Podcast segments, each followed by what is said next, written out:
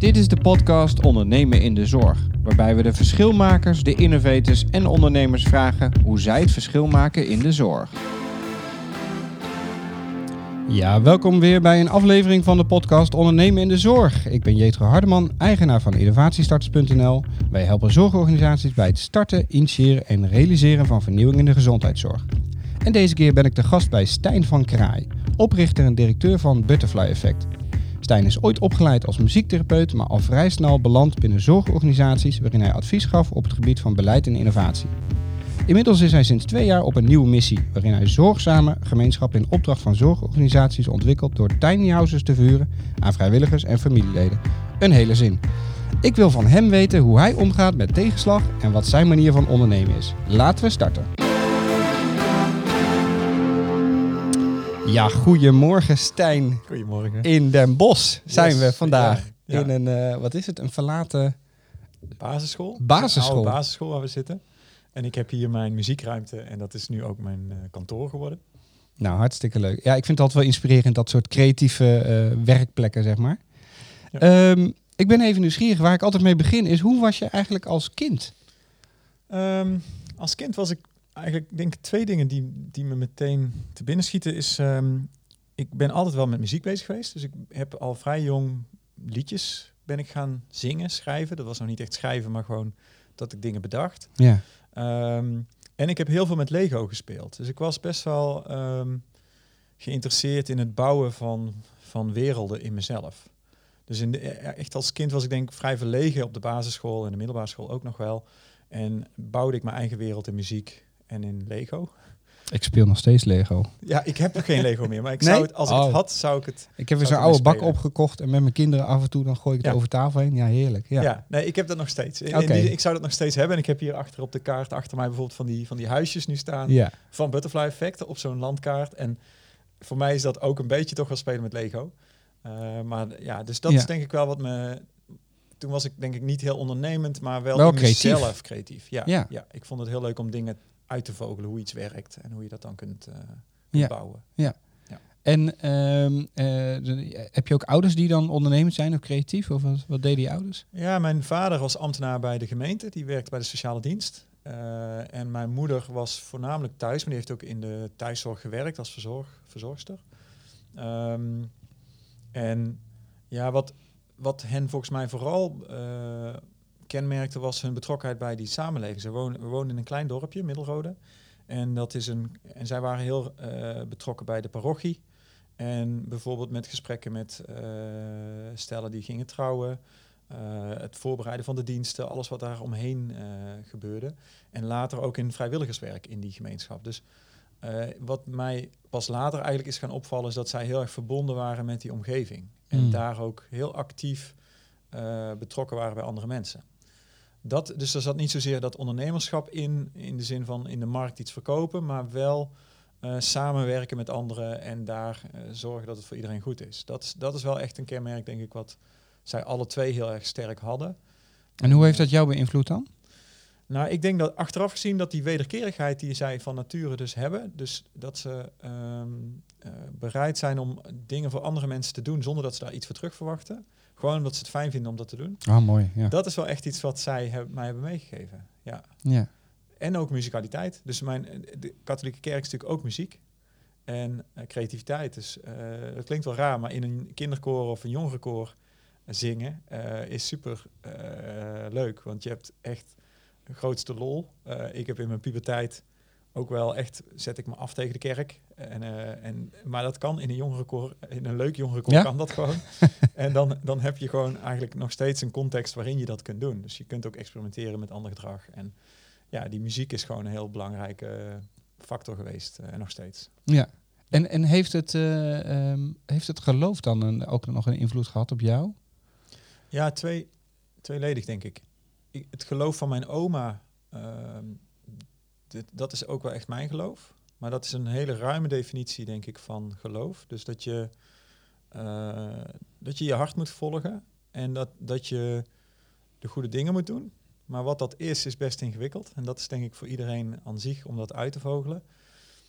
Dus dat is de ene kant, de positieve kant. Aan de andere kant, ik ben wel kritisch naar dogmatische gemeenschappen. Dus ik ben heel kritisch eh, over het instituutkerk. Hm. Ik ben ook geen lid meer. Dat heeft mij heel veel opgeleverd om eh, uit te schrijven. Ja. Ehm, omdat ik zie dat mensen toch wel vaak structuren bouwen waarin macht ook een hele grote rol speelt. En daar ben ik heel kritisch op. Dus ik, ik probeer ook nu met Butterfly Effect ervoor te zorgen dat mensen zelf zoveel mogelijk regie hebben. En niet dat we daar weer een grote beleids- en machtsstructuur. Een soort allergie eh, misschien wel. Of, ja, ook in grote organisaties. Dat, dat is denk ik mijn kracht is om daar gevoelig voor te zijn. En dan ook te denken Ja. van, hey, moeten we dit zo doen? Moeten we altijd wel luisteren naar die en die personen? ja. Ja, denk Ja. zelf na. Nou, En- d- daar komen we zo meteen nog op over een grote organisatie. Ja. Maar nog even terug naar jou als kind. Ehm, uiteindelijk besloot jij om muziektherapeut te worden. Ja. Hoe kwam je tot die keuze? Ja, je maakte muziek, maar goed, je speelde ook Lego.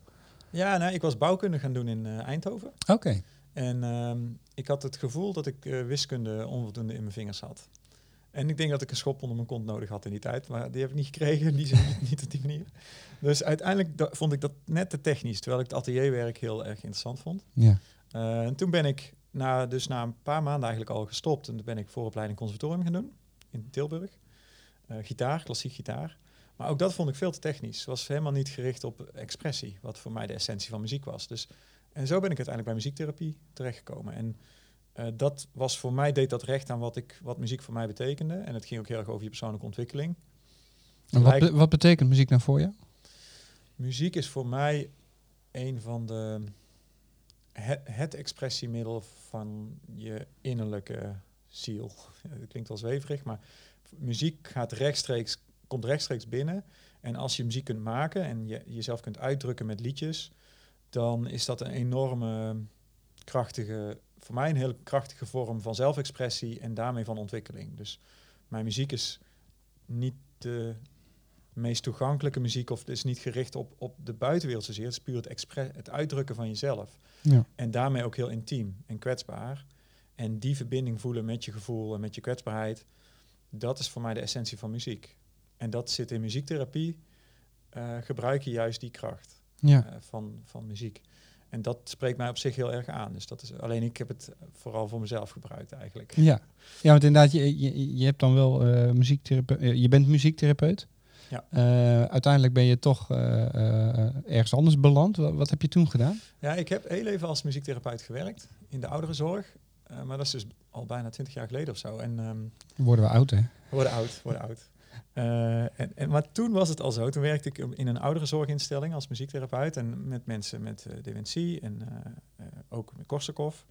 En wat, je dan, wat ik daar merkte is, dan had je een uur in de week dat ze dan in een groepje bij elkaar kwamen. En dan even best een mooi moment hadden met veel contact met elkaar. En expressie en creativiteit en, en vrolijkheid. Ja. Maar daarna gingen ze weer terug naar de groep, waar ook in die tijd toen al, en ik denk dat het niet veel verbeterd is sindsdien, ik denk dat het nog meer onder druk is komen te staan, maar toen was er al heel weinig tijd op de groepen. Dus mensen konden niet zomaar naar de wc, wc zaten op slot.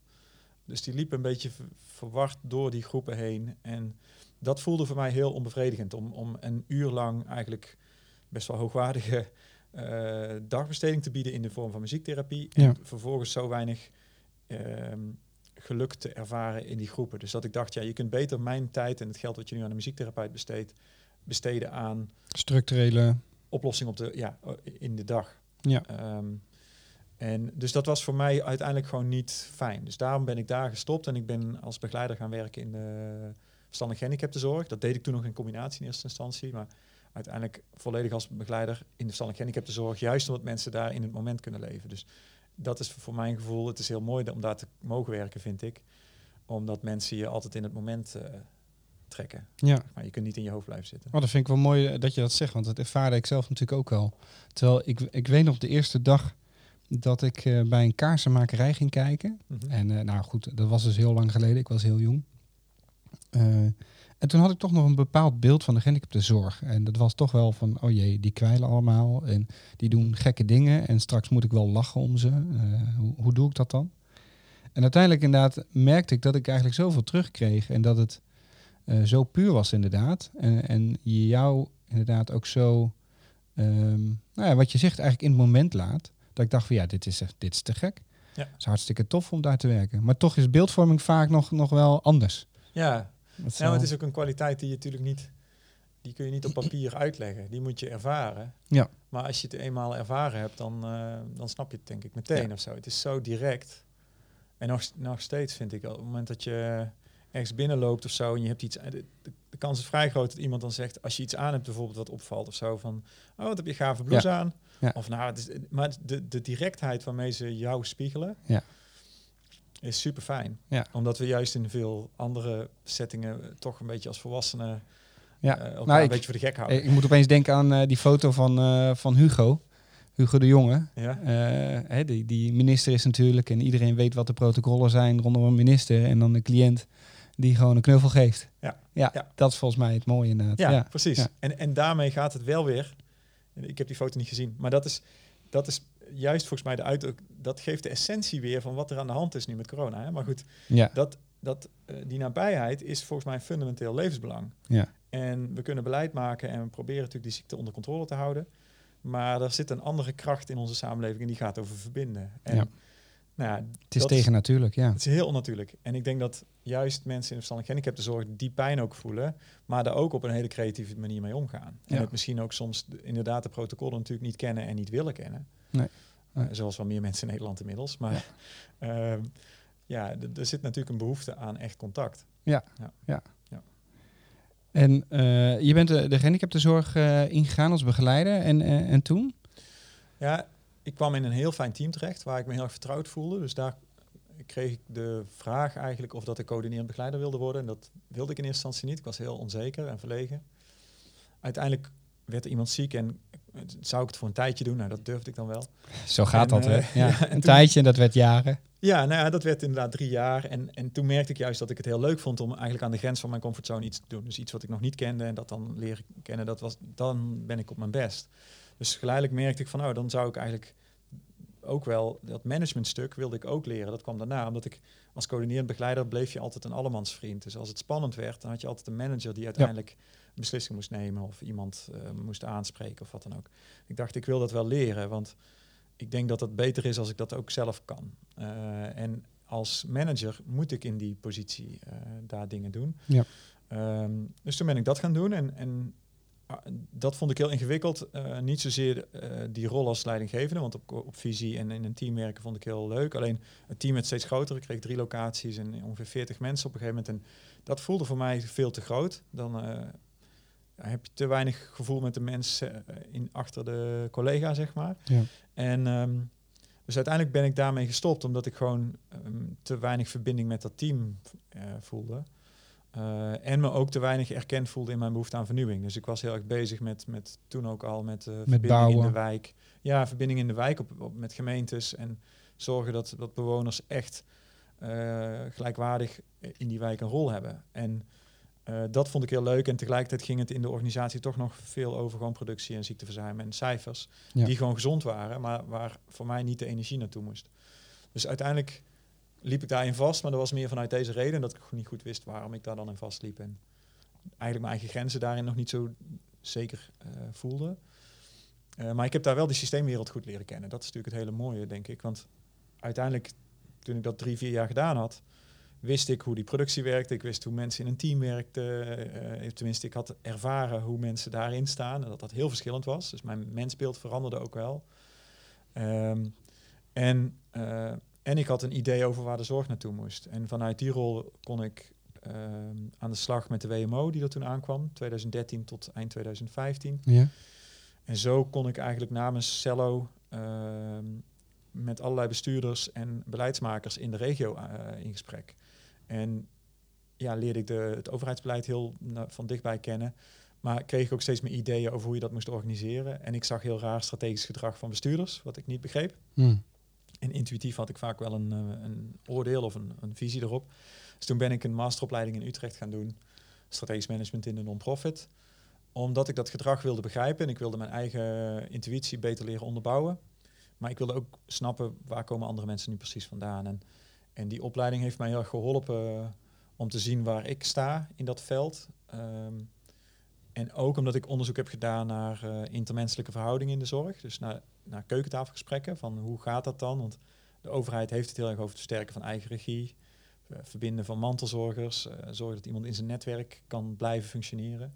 En dat is op papier allemaal eh, heel goed. Ja. Maar ik wilde kijken hoe gebeurt dat in de realiteit. En, en daar bleek gewoon dat eigenlijk die gelijkwaardigheid die nodig is om dat voor elkaar te krijgen, dus om die eigen regie te vergroten en om mensen echt uit dat netwerk te betrekken, dat vereist een gelijkwaardigheid tussen die actoren. En die gelijkwaardigheid is er helemaal niet. Dus de professional, de gemeenteambtenaar of de, de, degene die de zorg vertegenwoordigt, die heeft van oudsher in de afgelopen jaren een, een dominante positie gekregen. Ja. En dat was voor mij wel het grootste knelpunt. Dat ik dacht, ja, we kunnen wel op papier dit veranderen, maar we moeten dus in die fundamenten iets gaan veranderen om die verhoudingen gelijkwaardiger te maken. En dan kan het zelfs intimiderend overkomen, volgens mij. Een keukentafelgesprek, toch? Het is heel intimiderend. Ja, het is heel beangstigend, want Ze je komen gewoon bij jou thuis kijken. Ja, je- ja, ze komen aan je. De overheid dringt steeds meer Ja, door precies. in jouw in, in, eh, terrein als, als burger. En je bent ervan afhankelijk. En je voelt die afhankelijkheid, want je hebt een kwetsbaarheid. Ja. En, en als, als ambtenaar en als zorgverlener ben je je daar onvoldoende van bewust over het algemeen. Want jij hebt juist vertrouwen. Ja. Jij hebt eh, een Je diploma. wilt het goed doen. Ja. Ja, je, je- andere mensen in jouw team bevestigen jou erin. Dus je hebt een vrij krachtige positie, maar je bent je ook niet zo bewust van die macht. Nee. Omdat je een klein stukje van die macht hebt. Maar achter jou zit een hele machine. Ja. En Ja. dat is denk ik eh, waar veel mensen eigenlijk ook tegenaan lopen. Maar dat het, het is best moeilijk te verwoorden. Maar wat, je heel, wat ik heel veel terughoor bij bijvoorbeeld ouders met eh, een kind met een beperking, is natuurlijk die jarenlange frustratie van een soort van vechten met dat systeem. Ja. En daar zit die machtsongelijkheid ook in die strijd. Dus ik ging steeds meer nadenken over van hoe, hoe kunnen we dat nou fundamenteel veranderen? Want dat zit hem dus niet in visie. Dat- Nee. Je kunt er heel erg over praten, maar het zit hem in de fundamenten van die verzorgingsstaat. Ja. Dus dat, dat is eigenlijk waar ik stond tot, tot 2015. En toen mocht ik eh, innovatiemanager worden bij Cello en kon ik voor de hele organisatie me bezighouden met vernieuwing. En was dus deze sociale vraag voor mij eigenlijk het meest eh, belangrijke. Ja. Eh, omdat ik sowieso denk dat innovatie draait om seks, eigenlijk sociale processen. Weet je, wat Ja. verandert er tussen mensen? We kunnen het hebben over technologie. Het gaat om gedrag. Het is eigenlijk een soort veranderings... Gedragsverandering. daar, Eh, daar gaat het om. Ja, ja. Dus- maar en, nog even terug, hè, want wat, wat me opvalt is dat eigenlijk als je, als je vertelt over van kinds af aan tot aan dit stuk, hè, is dat persoonlijke ontwikkeling daar als een rode draad doorheen loopt. Elke keer de grens opzoeken van wat je kan of wat je wilt leren. Ja. Ehm, wat, wat zijn dan eh, lessen die je, die je hebt geleerd eh, waarbij je denkt van nou, dat is eigenlijk echt wel goed voor eh, andere nou, innovatoren of, of verschilmakers in de zorg? Ja, ik denk wat voor mij zo werkt, maar ik, ik heb het gevoel dat dat voor veel mensen zo werkt, ehm, is dat je als mens de natuurlijke behoefte hebt om je te ontwikkelen. En dat, ik zie dat bij kinderen altijd. Ja. Dus ik vermoed dat dat bij iedereen zo is. Ehm, maar soms loop je kwetsuren op in je leven, waardoor je bepaalde dingen in je ontwikkeling eigenlijk liever niet wil zien of niet aandurft te gaan. En, en daar speelt dan angst eh, een hoofdrol. En volgens mij is het de kunst om die angst onder ogen te gaan zien, elke keer opnieuw. En, ehm, en goed te luisteren naar, hoe- zit ik nog echt met energie in mijn leven en mijn werk? En wat ik zie is dat mensen die dat voortdurend doen, die, dat, het kan soms zijn dat je iets gevonden hebt waar je heel goed in bent en waar je steeds dieper in kunt specialiseren. En dat je dus Mhm. heel lang dezelfde rol kunt hebben en daar steeds beter in wordt. Ja. Maar het kan ook zijn dat je jouw persoonlijke drive eigenlijk vraagt om voortdurende verandering. Of elke twee, drie jaar iets heel nieuws, groots doen. Voor jouw gevoel. Hè? Ja. Dus een hele nieuwe stap maken. En ik denk dat ik zie heel veel mensen die dat durven en doen. En die dus dan elke keer weer stappen maken. Maar ik zie ook mensen die dat misschien willen doen, maar niet durven. En daar zijn vaak goede redenen voor. Hè? Dus het is niet dat ik, dat ik dat niet snap waar mensen dat niet doen. Maar ik denk dat de, de belangrijkste les is om dat dan toch elke keer wel te blijven doen. Want wat je soms ziet is dat mensen dan dat eenmaal niet durven en ergens blijven hangen. En vervolgens in een soort van afwachtende houding schieten. Of hè, eigenlijk alleen maar zien wat de onzekerheden, eh, onzekerheden zijn Ja. als ze dat pad zouden volgen. En tegelijkertijd zie ik juist andere mensen die met heel veel moeite misschien of met stress even eh, wel een stap zetten. En dan weer een vol en dan zie je ze stappen maken en dan kan Ja. het echt he- heel ver doorontwikkelen. Dus Maar hoe heb jij dat dan aangepakt? Want ik, ik denk zeker inderdaad dat angst een van de grootste factoren is inderdaad, waardoor heel veel goede initiatieven ook niet eh, slagen. Omdat dat ergens blijft hangen. Omdat inderdaad mensen van een idee en voortvarendheid tegen een grens aanlopen. En dan vaak inderdaad ja, angst wel een factor is waarbij mensen eh, zich ook een beetje gaan, ja, ik het even eh gechargeerd, eh, verstoppen. Ja. om, om niet Ja. ervoor te gaan staan? Of, Ja, ik denk, zo ingewikkelde vraag hoor. Ik denk, ik, hoe ik het heb aangepakt is niet zo heel bewust, maar ik denk dat ehm, in de loop der jaren ben ik me langzaam bewust geworden van mijn krachtbronnen. En ook door een burn-out als manager.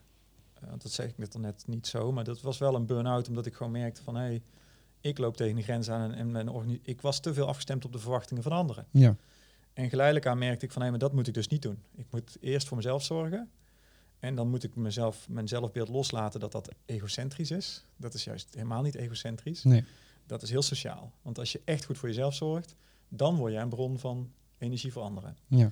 En ehm, die krachtbronnen, die leer je eigenlijk door te leven. Dus in mijn geval is muziek een krachtbron. Sport is pas heel laat een krachtbron geworden, vanaf mijn 35ste of zo. Omdat ik merkte dat ik iets fundamenteels miste in dat stuk. Ehm, en, en zo leer je eigenlijk geleidelijk aan. En ik denk dat ehm, je hebt krachtbronnen en machtbronnen. Ehm, en ik denk dat, dat is ook wel in die opleiding leerde ik dat ook beter kennen. Je hebt gewoon meerdere vormen van waarop je je macht of je kracht kunt laten zien. Hm. En vaak denken we dat er één vorm van macht is, en dat is vaak in de hiërarchie van een organisatie. Maar dat is niet zo. Eh, leeftijd is een, is een enorme machtsbron. Ehm, eh, schoonheid van mensen kan een machtsbron zijn.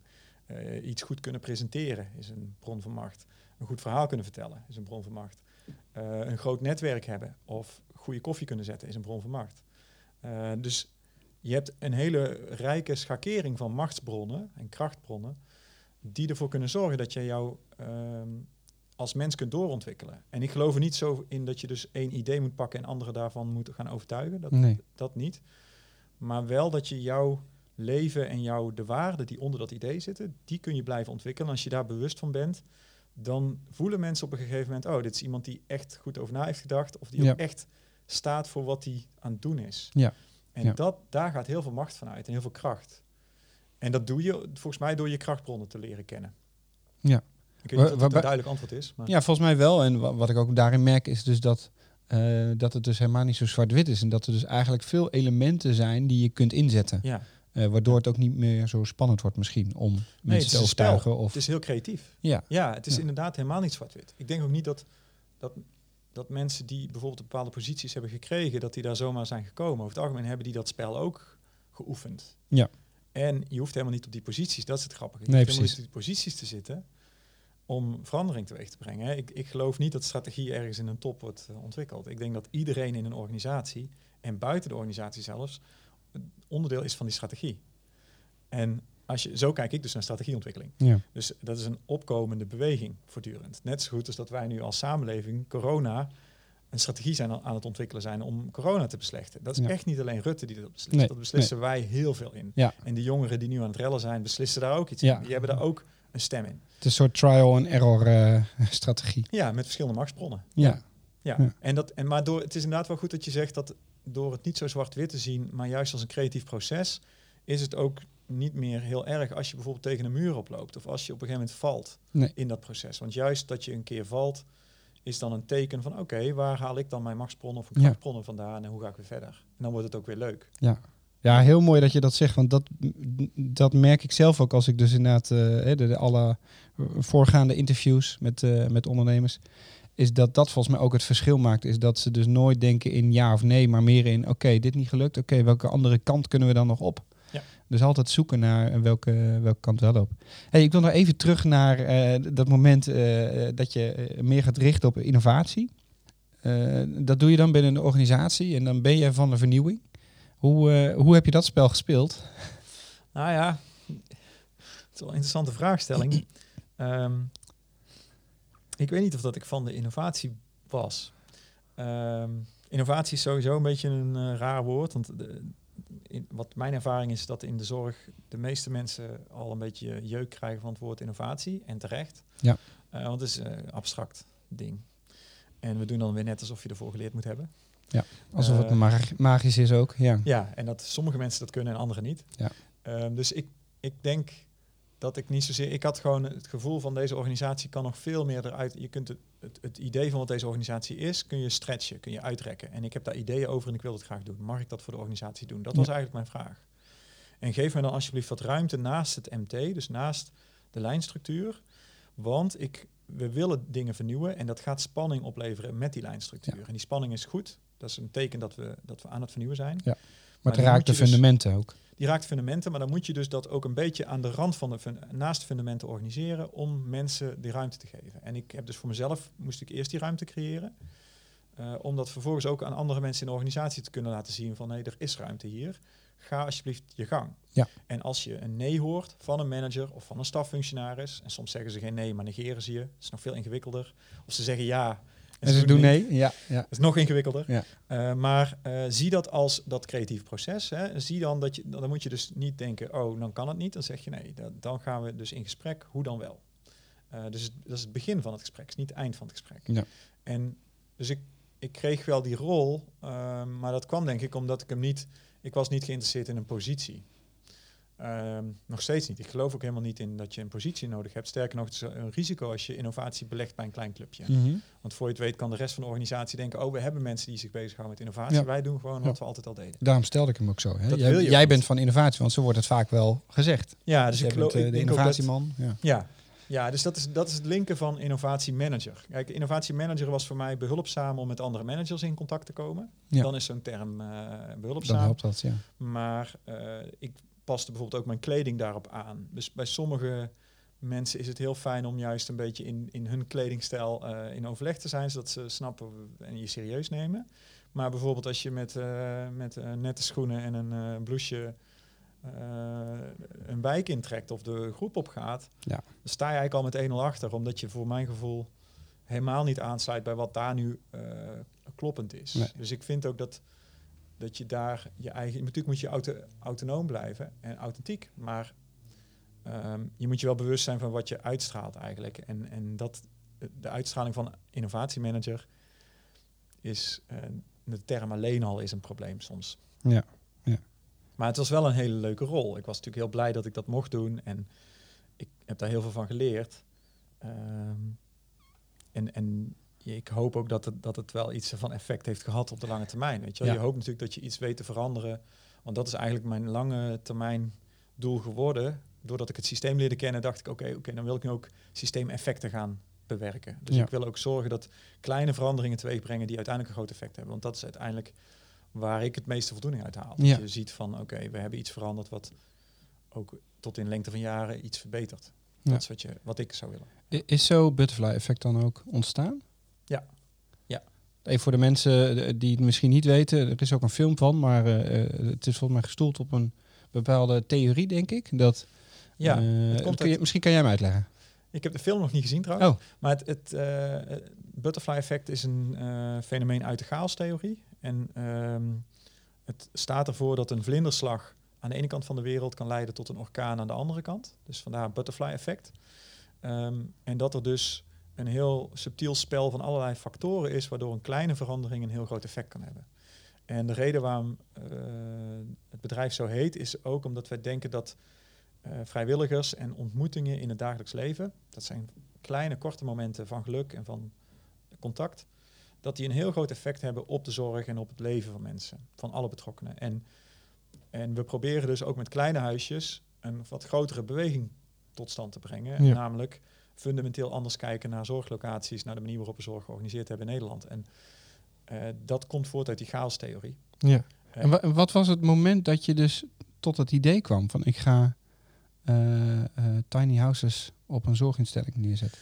Ehm, ja, de, de, in, het is in februari 2015 geweest. Ik kan het zelfs nog nazoeken, want ik heb het erover getwitterd. Ik was bij een bijeenkomst bij, ehm, met allemaal familieleden Ja. eh, op de Binkhorst, een locatie van Cello in Rosmalen, waar ongeveer 200 mensen met een beperking wonen. En die familieleden waren daar en we hadden het over de veranderingen in de zorg, maar je hoorde ook heel veel pijn van het afgesneden zijn. En soms in het verleden, dus dat ze in de tijd van de nonnen nog, Oh ja. ehm, bijvoorbeeld zes of twaalf weken geen contact met hun zoon of dochter mocht hebben. Ja, ja.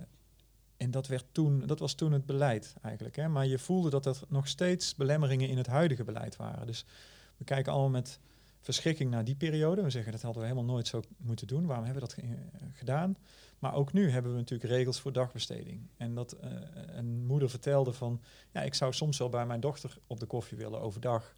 maar ik bel dan toch maar niet, want ik weet niet wat het wel uit zou komen. En ik dacht ook van ja, dat snap ik wel, want er is ook echt een mogelijkheid dat een collega van dagbesteding dan zou zeggen, nee, dat komt niet uit als we daar aan zouden Ja. beginnen. Ja. Weet je wel? Ja, oh die. Ja, als we daaraan moeten beginnen, ja. Ja, precedentwerking. Eh, Ja. En ehm, dus bij die bijeenkomst dacht ik van ja, dit is, hier voel je een verbinding die eigenlijk niet helemaal tot bloei kan komen. Sterker nog, die, die belemmerd wordt. En ehm, ik was zelf al heel erg geïnteresseerd in tiny houses. Vanuit de vraag, wat is nou werkelijk belangrijk in je leven? Hè? De Ja. tiny house beweging staat voor mijn gevoel voor de vraag, wat heb je echt nodig? Dus dat vond ik überhaupt interessant. En, ehm, en zo kwam ik op het idee van ja, maar van wie is dit, deze locatie? Hè? Want hij lijkt wel van de zorgorganisatie, maar hij is natuurlijk van ons allemaal. We hebben allemaal belasting betaald en de zorgorganisatie is eigenlijk de beheerder Ja, namens ons allen. Dus die grond is van iedereen. Nou, als je vanuit die filosofie gaat kijken, dan is, is het voor mij niet zo heel onlogisch dat je zegt, hé, maar wat zou als we die mensen die zo natuurlijk verbonden zijn of willen zijn met anderen, ehm, wat als we die ook echt een plek geven? Dat lijkt me veel logischer als we voorwaardig burgerschap nastreven. ja, ja. Ehm, en toevallig was die bijeenkomst, daar was de eh, lid van de raad van bestuur van Cello daar, die verantwoordelijk is voor de financiën. Dus ik ben eigenlijk gewoon meteen op hem afgestapt en gezegd, zouden we niet een paar woningen voor vrijwilligers hier op deze locatie kunnen plaatsen? En eh, hij vond het wel eh, een bijzonder idee, maar hij zei van, nou ja, ik snap, ja, ik- waarom niet? Ga het maar onderzoeken. Ja. En zo ben ik met de, de vastgoedmanager van Cello, zijn we eigenlijk een proces van drie jaar ingegaan om te kijken, kunnen we dit doen? Ehm, tegelijk Drie jaar. drie jaar. Dan moet je wel vasthoudend zijn, toch? Dan moet je doorgaan. Ja, Ja. ja. dan moet je doorgaan. En, en ook dan, we hadden uiteindelijk, eh, we wilden vijf huisjes, het werden er drie. Ehm, en dat kwam omdat het eh, voor een zorginstelling heel raar is om zoveel geld te investeren in huisvesting voor derden. Ja. Dat ligt ver buiten de statuten. Ja. Dus dat is ook voor een raad van toezicht. Ze hebben net hun zusterflats allemaal eh, geannexeerd. En, Ja. ja, precies. Ja, Ja. dus je gaat iets doen wat heel onnatuurlijk is en wat ook, denk ik, qua businessmodel niet klopt, niet houdbaar is. Dus Nee. uiteindelijk hebben we dat daar gerealiseerd, kwamen erachter dat er heel veel animo voor was. Dus er waren veel mensen die daar wilden wonen, dus dat was heel belangrijk. Ja. En je merkte dat het werkte, dus dat die mensen ook echt als vrijwilliger heel veel waarde toevoegden en dat het voor alle partijen goed werkte. Dat sociale concept hadden we dus kunnen testen, maar het businessconcept was gewoon nog niet goed. En butterfly effect komt daaruit voort, omdat ik dacht van ja, we moeten dus ehm, sowieso gaat zich dit niet vanzelf verspreiden. Dan moeten we een, als ondernemer moeten we, moeten we dat gaan doen. Ja. Ehm, en we moeten zorgen dat er andere financiers betrokken raken. Dus we moeten marktpartijen, sociale investeerders gaan zoeken om die woningen te bekostigen. Want het is inderdaad onnatuurlijk en ook helemaal niet gezond als we dat vanuit de verzorgingsstaat gaan organiseren. Dat moet gewoon uit de markt komen. Ja. En daarin, ehm, wat ik eigenlijk heel erg zag, is je hebt die driehoek burger, eh, staat, markt. En de verzorgingsstaat zit vooral niet op de staat. Hè. Dus de, de, de, de overheid zorgt voor de zorg in Nederland, voor een groot deel. En die burger heeft daar steeds meer iets over te zeggen. En die Ja. vindt er ook iets van. Ja. En dat zijn die vrijwilligers in ons geval en familieleden. En natuurlijk de cliënten zelf. Ehm, maar de markt heeft daar ook een rol in. Want het is zo'n groot maatschappelijk vraagstuk dat ik echt denk dat we gewoon marktpartijen moeten vragen om dit mee op te lossen. Voor ons allemaal. En, en Butterfly Effect is dus eigenlijk een mediator tussen die drie partijen. Tussen Ja. de zorgorganisaties, de marktpartijen, de investeerders, zeg maar, en de huurders. Ja. En dat, dat is wat we nu aan het doen zijn. En, en dat businessmodel is cruciaal, denk ik, om het schaalbaar te maken. Ja, en ik, ik vind het een prachtig concept. Maar eh, dan rijst bij mij wel de vraag op inderdaad. Maar hoe creëer je die business case? Hoe zorg je dat de marktpartij instapt? Ja, Want dat is, ja, weet je, hoe mooi het ook is. Waar, waar haalt hij rendement? Of hoe, nou ja. hoe, hoe heb je dat geregeld dan? Eh, eh, dat is een zoektocht. Kijk, het mooie is, ehm, het begint natuurlijk met de why. Ja. Ehm, je moet eerst goed weten, wat is nu het probleem? Ja. En, wij, en, en waarom is dit dan een oplossing? Dus ehm, daar begint het gewoon mee. Je moet eerst de urgentie hebben. En ik voelde al heel lang dat die, die het grootste probleem in de zorg is gewoon dat wij de illusie hebben dat wij het welzijn van mensen kunnen creëren in een professionele omgeving. Ja. En Tijdens Ja. de medicatieronde. ook, ja, nou dat we dat professioneel moeten en kunnen organiseren. Oh, zo, ja. Dus ik denk, terwijl ik denk dat welzijn zit in dit soort gesprekjes, zit in even bij de een Ja. kopje koffie halen met de, bij, een- bij een buurman. Helemaal eens, ja. eh, op een, pra- een- een praatje bij de bakker. Daar zit welzijn. Ja. En dat zit dus niet in een professionele setting. Dat is informeel, dus wederkerig. Uh, is niet georganiseerd. Nee. Dat is eigenlijk, dat doen mensen zelf, zoveel mogelijk. En natuurlijk, als je een beperking hebt, heb je daar wel steun bij nodig, maar dat hoeft niet professioneel georganiseerd te worden. Dat kunnen we als samenleving echt zelf. Ja, ja. Ehm, en het probleem is natuurlijk dat we dat wel professioneel georganiseerd hebben, maar dat dat niet meer kan. Dus dat we niet zo heel veel geld meer daarvoor hebben, dat, het, dat de zorgvraag toeneemt en dat de belastingdruk daarmee ook toeneemt. Ja. En dat we simpelweg de mensen niet meer hebben. Dus ik zag die twee problemen in de zorg en ik wist ook van ja, dat menselijke probleem, dat gaat eh, met name het probleem worden. En dat zie je nu een beetje, maar dat wordt, we staan pas aan het begin. Ja. En ik zag aan de andere kant, dit is zeg het probleem van de zorg. En in de samenleving zie je de, de eenzaamheid en eigenlijk de zoektocht naar zingeving. En de zorg biedt bij uitstek uh, al die processen van zingeving waar we het net over hadden, die mooie ontmoetingen met mensen die gewoon in het moment zijn, ja. die vind je bij uitstek in de zorg. Dus eigenlijk heeft zo'n zorgorganisatie veel meer te bieden dan ze nu laten vrijgeven, zeg maar. En heeft die samenleving behoefte aan die natuurlijke verbinding. Dus die twee vraagstukken, die breng je samen. Dat is de why, dit is het probleem. En de oplossing is dus voor ons bouwen van informele steunstructuren. En daarvoor moeten we dus woningen bouwen en gemeenschappen bouwen met, waarin iedereen kan wonen. Zodat je die informele steunstructuur kunt gaan laten groeien.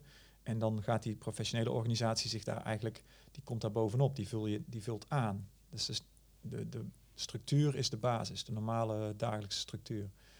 En dat, daar zit een business case in. Dit, dit levert maatschappelijke waarde op. En vervolgens is de zoektocht hoe, welke partijen zijn nu bereid om die waarde te zien en daarvoor te betalen. Ja. Um, dat lijkt me de grootste uitdaging dan ook, toch? Ja, maar in die zin, als je dus kijkt, we hebben twee problemen en die lossen we voor twee groepen mensen op. Dus ja. we hebben een probleem in de zorg. Nou, daar zit een business case. Ja. En we hebben een probleem voor de huurders. Ja. Een leuke woning, een vrijstaande woning, is nauwelijks te krijgen in Nederland voor alleensta alleenstaanden. Nee. Helemaal niet in een bosrijke omgeving. Hè? In een bosrijke omgeving. Is best ja, wel mooi Randstad, wonen. Ja. Is best wel mooi wonen voor Ja. mensen. En in combinatie met iets betekenen voor een ander. Hè. Dus Ja. het, gaat niet alleen om de woning, het gaat ook over de gemeenschap. Nou, daar zit een waarde. Mensen willen daar een huur voor betalen. Ja. De zorgorganisaties willen ook echt wel betalen, steeds meer, voor die gemeenschap. Omdat ze zien dat ze... Ze hebben gewoon geld over, dat klinkt raar. Maar ze hebben vacatures staan die ze Ja, niet op kunnen precies. vullen. Ja. En voor één Geld is niet meer het probleem, het is mensen. ja. Ja. en voor één vacature kun je 10, 15 huisjes plaatsen. Ja. Dus je kunt 15 vrijwilligers eh, een rol geven voor één professional. En die business case wordt de komende jaren denk ik alleen maar positiever voor een zorginstelling. Om, om die keuzes te gaan maken. En uiteindelijk moet je dan, bouw je daarmee een business case. En een business case is ook niet dat je dat bouw je niet één keer. Daar Nee. ben je gewoon elke maand of hè, elke keer mee bezig. En je zoekt financiers, die kijken mee. Het mooie is dat als je dus de vraagstuk maar gewoon urgent maakt en iedereen snapt waar we het voor doen, dan gaan al die partijen meedenken. Want Ja. iedereen wil graag dat dit gaat lukken. Ja. En dan krijg je dus eh Triodos of Arcades eh, die meekijkt eh, van hoe zit die business case in elkaar. En dan Ja. wordt die elke keer Aangevuld, beter. sterker van. Ja, precies. Ja, mooi. Ik las ook dat je recent een, een lening hebt gekregen. En niet zomaar één. Eh 2 miljoen euro. Ja. Ehm, kan je even vertellen, hoe, hoe gaat zoiets dan? Ehm, ja, ook dat loopt weer een beetje via serendipity. Hè. Je moet die chaos-theorie denk ik ook eh, veel krediet geven. Eh, serendipity is natuurlijk het fenomeen dat, dat eh, je toeval, de kans op toeval kunt vergroten. Ja, En dat doe je onder andere door met mensen te praten over je idee. Dus je ideeën uitspreken is al een hele grote manier om de kans dat het ook werkelijkheid wordt eh, dichterbij te halen. ja, En ik kwam in contact met Sterk Brabant. Dat is een, eh, een netwerk vanuit eh, wat door een, twee organisaties wordt georganiseerd in Brabant.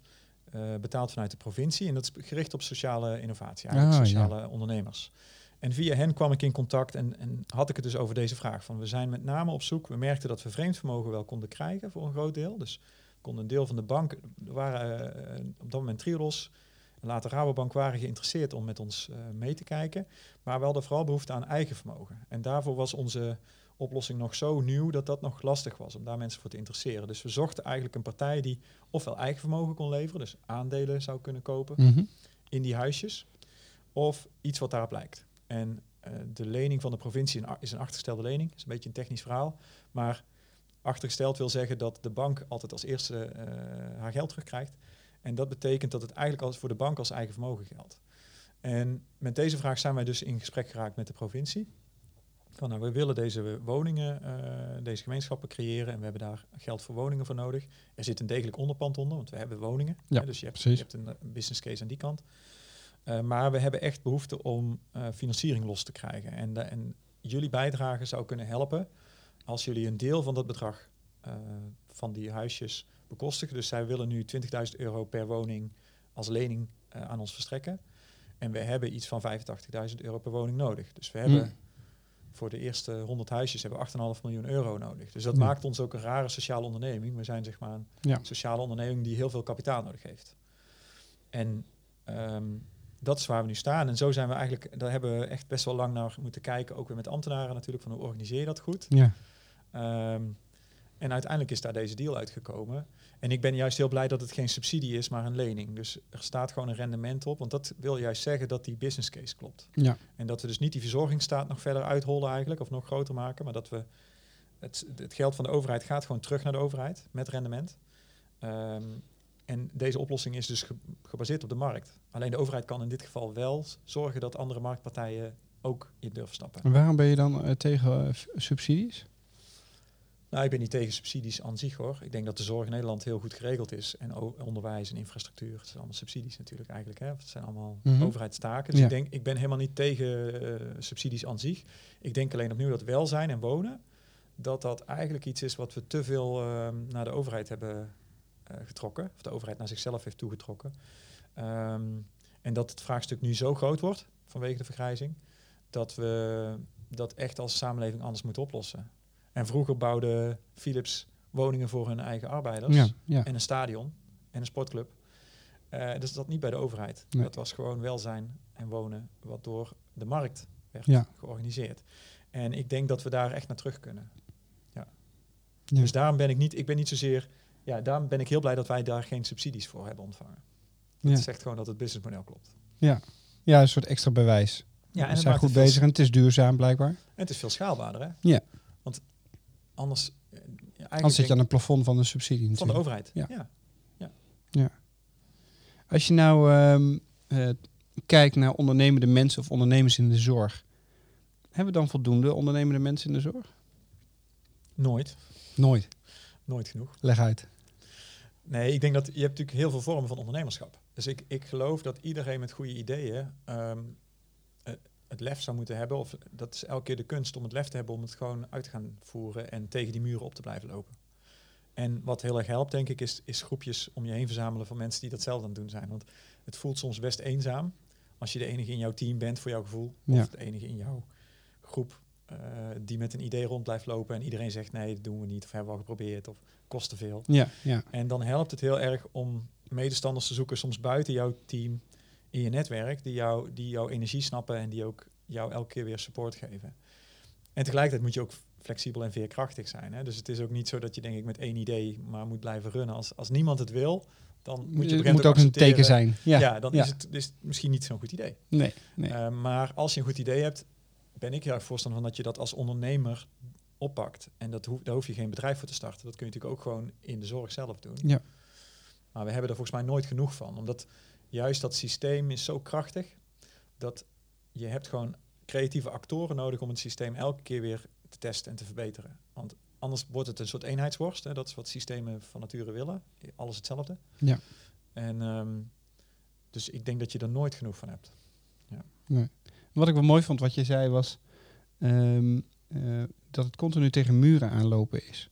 Is dat misschien ook wel niet de, de, nou ja, een van de essenties van ondernemen? Is dus juist weten dat eh, als je iets wil, dat dat vooral een soort proces is van tegen muren aanlopen en daarmee dealen, langzaam afbreken en de volgende muur tegenkomen. Ja. Ten opzichte van, want ik, ik zie ook een andere slag, hè, de- dat zijn meer de, de, ehm, eh, de campaigners, de, de, de dromers, de ambitie, ambitieuze mensen. Eh, maar die dan niet, die vooral de energie halen uit het beeldschetsen, mensen meenemen, enthousiasmeren. Ja. Maar eh, eigenlijk na één muur en misschien wel twee muren denken, nou weet je, laat maar, ik eh, begin wel ergens anders. Ja.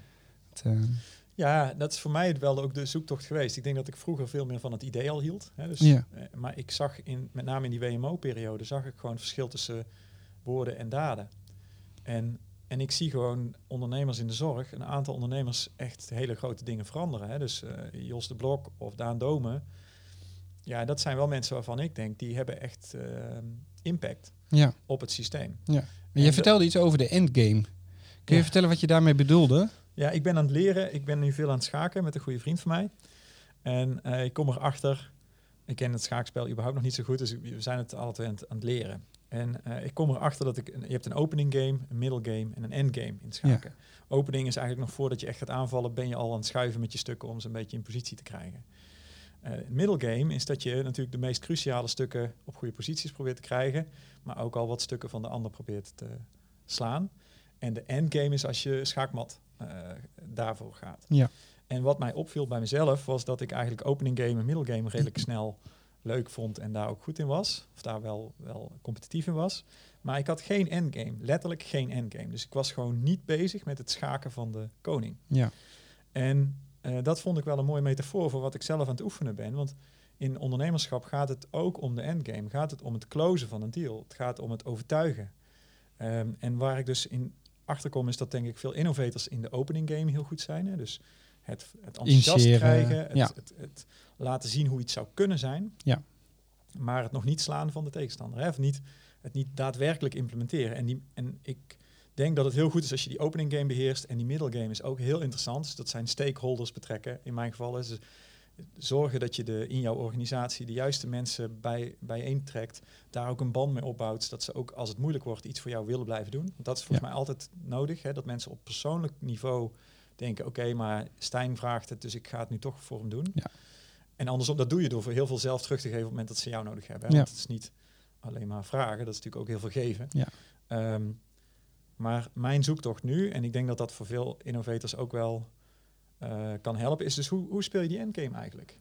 En met name beslissers in de zorg zijn daar vaak heel goed in. Hè? Dus Ja. ik denk dat eh, dat is gewoon, oké, we gaan het doen. We, zetten een handtekening. Ja. Eh, de, deze huisjes komen daar. Of we gaan die, Ja. die, die e-health toepassing implementeren. En we hebben hier budget voor vrijgemaakt. En we zetten er een projectorganisatie in. Al die, die stappen, dat is, is, dat ook dan de stip zien en vanuit daar terug beredeneren... wat moet ik nu allemaal doen om daar te komen? Of is dat Eh, wat anders? Ja, de, de stip zien. De- ik moet eraan denken, wel, want een eh, ja. gast van mij, eh, Detlef, die, die, die gaf het verschil ook aan tussen als mensen vanuit de zorg nadenken over innoveren of ondernemen, dan kijken ze naar, vooral vanuit de positie nu, waar kunnen we naartoe? Dat is meer opening game, middle game. Terwijl ondernemers die kijken dus veel vaker, daar wil ik komen of daar wil ik zijn. En wat moet ik daarvoor in gang zetten? Ja. Dat is volgens mij veel meer vanuit die endgame bekeken. Wat is er Ja. nodig? Ja, sowieso. Nou, ik denk dat je eigenlijk uit moet gaan vanuit. ehm, het, het- de visie voor de toekomst is vooral welk vraagstuk wil je graag oplossen. Ja, En het is belangrijk om dan verschil te maken tussen oplossing en vraagstuk. Dus mijn vraagstuk wat ik wil oplossen is eenzaamheid en, en eh, en het, eh, het tekort aan, aan aandacht eh, in welzijn ja, en wonen. Eh, dat is het vraagstuk. Mijn oplossing is in dit geval tiny houses. Maar het is nog niet, het is nog niet helemaal duidelijk of dat, dat echt de ultieme oplossing is. Het is een oplossing. Dus ik denk wel dat het visie heel belangrijk is, maar dat je wel de visie moet koppelen aan het vraagstuk. Niet zozeer aan jouw oplossing.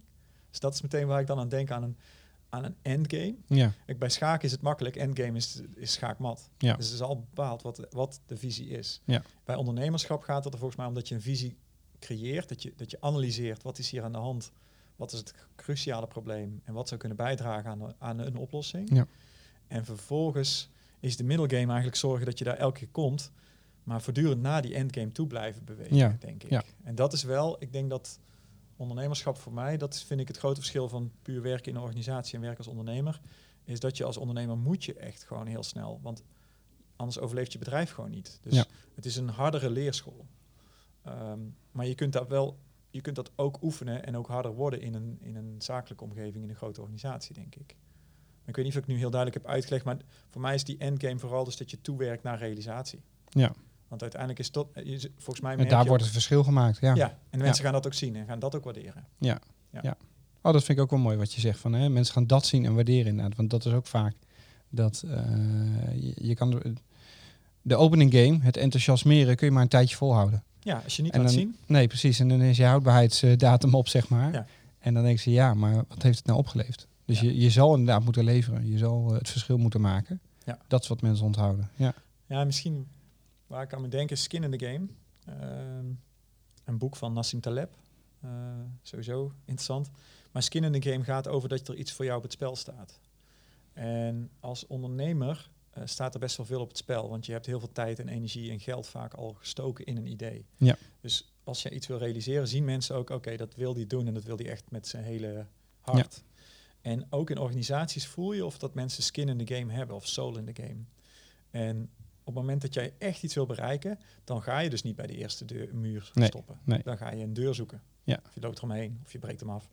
En ehm, ik denk dat skin in the game, dat zijn mensen waar ik dus heel graag mee samenwerk. Als je voelt van, oh, dit is iemand met eh, lef en die door wil zetten, omdat er iets op het spel staat. En dat kan een visie zijn, maar het is nog veel krachtiger als iemand er ook littekens eigenlijk van kan laten zien. Dus letterlijk skin in the game, dus vel heeft ergens tussen gezeten. Ja, ja, ja. Eh, dat heeft pijn gedaan en je bent toch doorgegaan. En eh, dat voelen mensen, denk ik, als je dat hebt. En je voelt ook als mensen het niet hebben.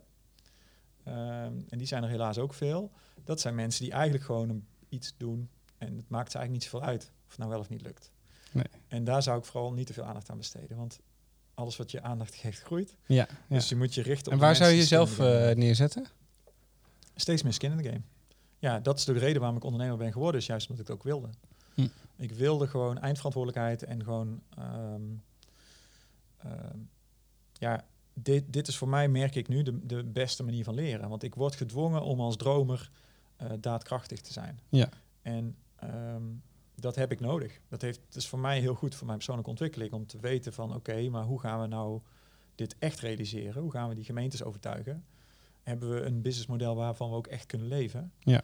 Dat, die vraag is voor mij heel belangrijk. In plaats van alleen maar theoretiseren. Want dat is, dat is met Lego spelen op mijn zolderkamer. Ja, precies. Ja. Maar dat is voor mij uiteindelijk niet zo eh, bevredigend. Zeg maar. Dat Nee. vind ik uiteindelijk niet zo leuk. Je hebt ook een, eh, een eh, korte persoonlijkheidstest ingevuld. Al Oh ja. een tijd terug. Ik weet niet eens meer wat eruit kwam. Nee, heel goed, heel goed. Nou, wat er onder andere uitkwam was dat je hoog scoort op fantasierijk en experimenteel. Oké. Eh, maar werkt dit nou altijd in je voordeel als ondernemer in de zorg? Nee. Fantasierijk. Nee. Ja? Nee. Nee? Ik denk dat het grootste nadeel daarvan is, is dat je misschien de neiging hebt om te veel dingen te bedenken en, en het eerste nog niet hebt afgewerkt. Hm. Dus ik heb nu bijvoorbeeld eh, het concept butterfly boerderijleven al een tijdje in mijn hoofd. Dat gaat over het realiseren van zorgzame gemeenschappen op boerderij, oude vrijgevallen boerderijlocaties. Ja. En dan pak je er eigenlijk een nieuw vraagstuk bij, namelijk het vraagstuk van die, het platteland. Ja. Maar dat, dat doe ik dus, dan creëer ik misschien een probleem, want ik pak weer een nieuw vraagstuk met Ja. heel veel stakeholders. ja, precies. Helemaal opnieuw beginnen. Ja, dus Ja. is niet de juiste timing. Nee. nee. is een heel en goed hoe, idee. hoe hou je dat dan in bedwang? Want de- je scoort er wel hoog op. Ja, nou, in dit geval voel ik soms heel letterlijk van, eh, ik moet het nu niet doen. Hm. Want je hebt gewoon maar één agenda, je hebt maar één leven. En ehm, dit is al ingewikkeld genoeg. En als ik heel eerlijk ben, heb ik gewoon een veel betere kans nu om die zorglocaties op een andere manier vorm te geven. Want dat is wat ik nu al doe. Ja. En dat andere moet ik nog helemaal beginnen. Dus dat is meer voor, het, als dit eenmaal staat, dan zou dat een leuk idee kunnen Ja. zijn. Dus, Dus je houdt jezelf een beetje in bedwang. ja, die Eerst afmaken. Ding. Ja. Ja. Nou ja, de- dat is wel grappig, discipline, want dat komt ook naar voren. Hè. De- aan de ene zijde eh, erg zorgvuldig en gedisciplineerd, eh, maar ook wel de voorkeur geeft aan eh, flexibele plannen.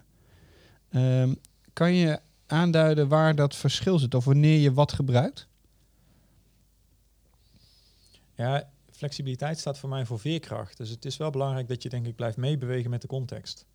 En bijvoorbeeld in die zin denk ik ook dat de deal met de provincie voor een groot deel ehm, ontstaan is. Enerzijds door het idee, maar vooral door onze veerkracht en geduld. Hm. Door gewoon heel, eigenlijk heel rustig te blijven, ook als dingen heel langzaam gaan. Hm. Eh, want als ik daar te veel als ondernemer had ingezeten, dan denk ik dat het niet gelukt was. Dus ik denk dat flexibiliteit en veerkracht heel belangrijk is. Discipline is voor mij nog een zwakke plek hoor. Ik denk eerlijk gezegd dat mijn discipline, eh, dat dat afgelopen tien jaar de zoektocht is van hoe Hm. bouw ik meer discipline in. En hoe heb je dat gedaan dan?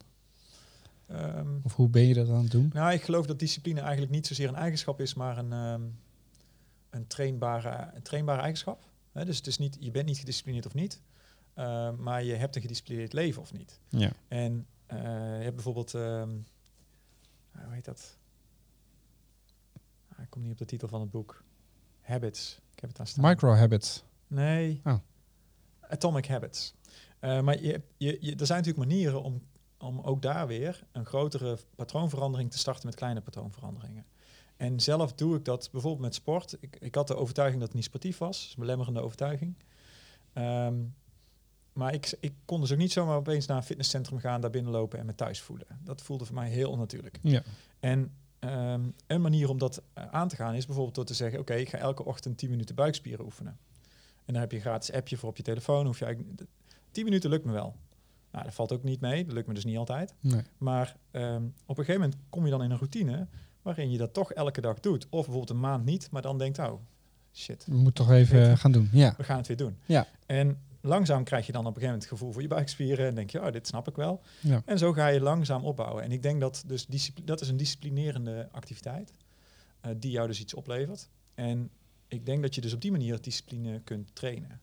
Ehm, en voor mij is dus inderdaad vooral ehm, focus. Dus discipline in ideeën.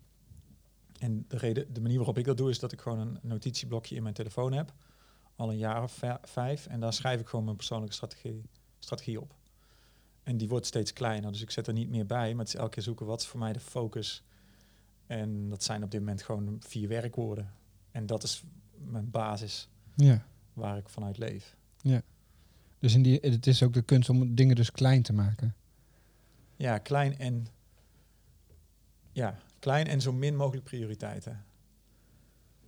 Wat, dat klinkt wel ingewikkeld. Eh, zo min mogelijk prioriteiten. Prioriteit is eigenlijk, prioriteiten is eigenlijk eh, bestaat niet. Prioriteit schijnt maar of- oorspronkelijk maar één enkelvoudig woord te zijn. Oh, Dus je, hebt je kan maar één ding prioriteit geven. Ja, maar- tuurlijk. Dat is Ja. wat je nu doet. Ja. En eh, we geven vaak veel, we kiezen niet. ja. dus we kiezen niet. Ja. En dan geven we veel te veel prioriteit. Ja. En dan geef je dus niks prioriteit. Ik, ik moet ineens denken aan een, een, eh, een, een keuzeoefening eh, na een brainstorm sessie als ik die begeleid. Eh, en dan moeten ze gewoon kiezen in vier vakken, zeg maar. En dat zijn goede ideeën, die uh, laaghangend fruit en echte geniale ideeën. En terwijl de opdracht heel makkelijk is, maak een keuze. hè. Zet je idee in een vakje. Gaan mensen toch altijd ertussen zitten. het is altijd grijs. Mensen willen gewoon niet kiezen. Ja. En dat is met prioriteit volgens mij hetzelfde. Hè? Dat, dan, dan hebben ze nog steeds een prioriteitenlijst van tien. Ja. Hoe Ja. dan? Werkt niet. Nee. Nee. Nou, en heeft eh Joni Eve, of Ive, ik weet niet hoe het uitspreekt, die, die designer van Apple, Ja? eh, die heeft daar veel interessante dingen over gezegd. Dat Steve Jobs hem heel erg geholpen heeft in zijn eh, denken daarover. Want hij dacht ook van, hey, ik kan goed prioriteiten stellen. Maar Steve Jobs zei, nee, wat jij doet is je, alle dingen die je niet leuk vindt, die zet je niet op je prioriteitenlijst. Maar prioriteiten stellen is juist de dingen die je ook leuk vindt, niet doen. Dus het gaat erover de Ah. dingen die je wel leuk vindt, toch niet doen. En ehm, Offers. ja, dus je moet leuke dingen wegdoen. En de, de vervelende dingen die horen bij dat belangrijke leuke ding, die moet je graag willen doen. Dus het, het gaat inderdaad om die prioriteit dan zo belangrijk maken. En dus niet alles maar doen. En dat vind ik een hele interessante, maar dat is wel wat ik aan het leren ben. Ik ben daar nog niet goed in, Nee. maar ik ben het wel aan het leren van eh, hoe hou ik nou focus? Hoe breng ik focus aan? Ja. Oh, mooi. Ja. Ehm, nou, wat me ook opvalt is dat je hoog scoort op extraversie. Eh, je werkt graag samen, joviaal en eh, je bent assertief. Dat komt tenminste uit de testen. Ehm, zijn dat nou elementen die essentieel zijn om te kunnen ondernemen in de zorg? Nee, denk ik niet. Nee? Of kan het een valkuil zijn? Dat weet ik niet. Ik denk dat het voor eh, je moet je idee willen delen. Da daar is natuurlijk extraversie wel, wel prettig voor. Maar ik denk als jij wat introverter bent. En ik ben oorspronkelijk in mijn jeugd was ik introvert. Dus ik weet ook niet wat ik echt. Ik weet niet waar ik sta precies. Nee. Maar ik denk als jij eh, introvert bent en gewoon flexibel, stug, veerkrachtig door blijft gaan met jouw idee, ehm, dat je een heel eind kunt komen. Ik denk dat je, en ik denk ook dat je heel goed kunt samenwerken als introvert. Hè? Dus ik denk niet dat je extravert hoeft te zijn om goed te kunnen samenwerken. Dus ik denk dat dat niet een essentiële eigenschap is. Eh, en inderdaad, het kan ook een nadeel zijn, want als je heel extravert bent en je voortdurend zelf op het podium wil staan, dat kan echt heel slecht zijn voor het realiseren van je idee. Dus het is ook heel functioneel, denk ik, om te weten wanneer jij op het podium moet staan en wanneer je juist iemand anders op het podium moet bieden. Want uiteindelijk gaat het mij om de realisatie van het idee. Ja. Dus als ik dat te veel met mijn ego laat vermengen, ja, dan denk ik dat je jezelf soms in de voet schiet. Eh, omdat je bijvoorbeeld een, een bestuurder of eh, je moet natuurlijk een organisatie laten shinen met hun project. Ja. En niet eh, ik. Dat doet er helemaal niet toe. Nee. Dus dat, de, ik denk dat extraversie niet per se Nee. heel positief is. Het is gewoon handig als je je idee graag deelt. Dat Ja. Ik ben in mijn hoofd al een soort samenvatting aan het maken hè, van wat we allemaal besproken hebben. Daar gaat het over offers maken, prioriteiten en juist ook dingen die je leuk vindt eh, niet doen. Ja. Tegen muren aan willen beuken. Eh, klinkt als een hele ondankbaar.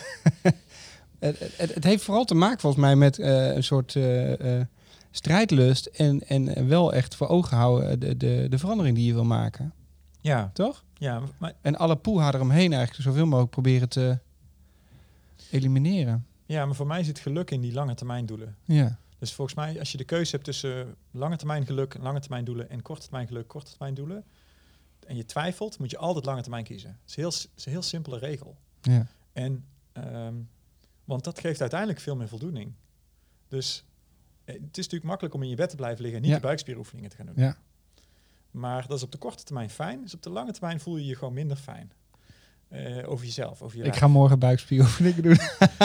Snap je wat ik bedoel? Ja, Nee, maar- ja. En zo zit het met, met, met het bedrijf ook. Je kunt korte termijn eh, soms iets heel makkelijk snel fixen, maar niet echt goed. Of een goede, degelijke juridische overeenkomst maken die heel veel tijd en Ja. geld kost, maar die wel voor de, voor de lengte van jaren goed is. En de meeste keuzes probeer ik steeds meer voor die lange termijn te gaan. Ja. En dan is het niet heel zwaar hoor, vind ik. Tenminste, Nee. het relativeert ook de, het kleine gedoe. Ja, dus het is ook iets waar je dan beter in wordt. Ja, en je ziet uiteindelijk dat het werkt. Ja. En dan eh, geeft het juist heel veel energie. Ja.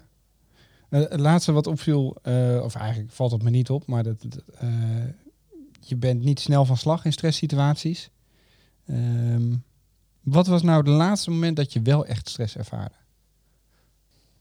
Ja, Zakelijk. zakelijk gezien was dat echt wel, denk ik, ehm, ongeveer een jaar geleden besloot mijn compagnon om niet verder te gaan als compagnon.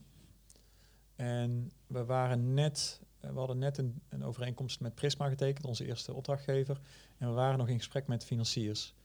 En dat vertrouwen van die financiers eh, was wankel. Hm. En nou, dat stress, ja, dan, dan realiseer je wel dat, dat het eh, mis kan gaan. Ja. Maar, en ehm, ja, volgens mij, wa- wat, ik, wat dat voor mij dan oplevert, is dat ik tegelijkertijd heel duidelijk voelde, oh, maar ik wil absoluut niet dat het misgaat. Dus ik ga niet de handdoek in de ring gooien. Nee. Ik, ga crea- ik blijf creatief kijken van hoe kunnen we dat vertrouwen herstellen.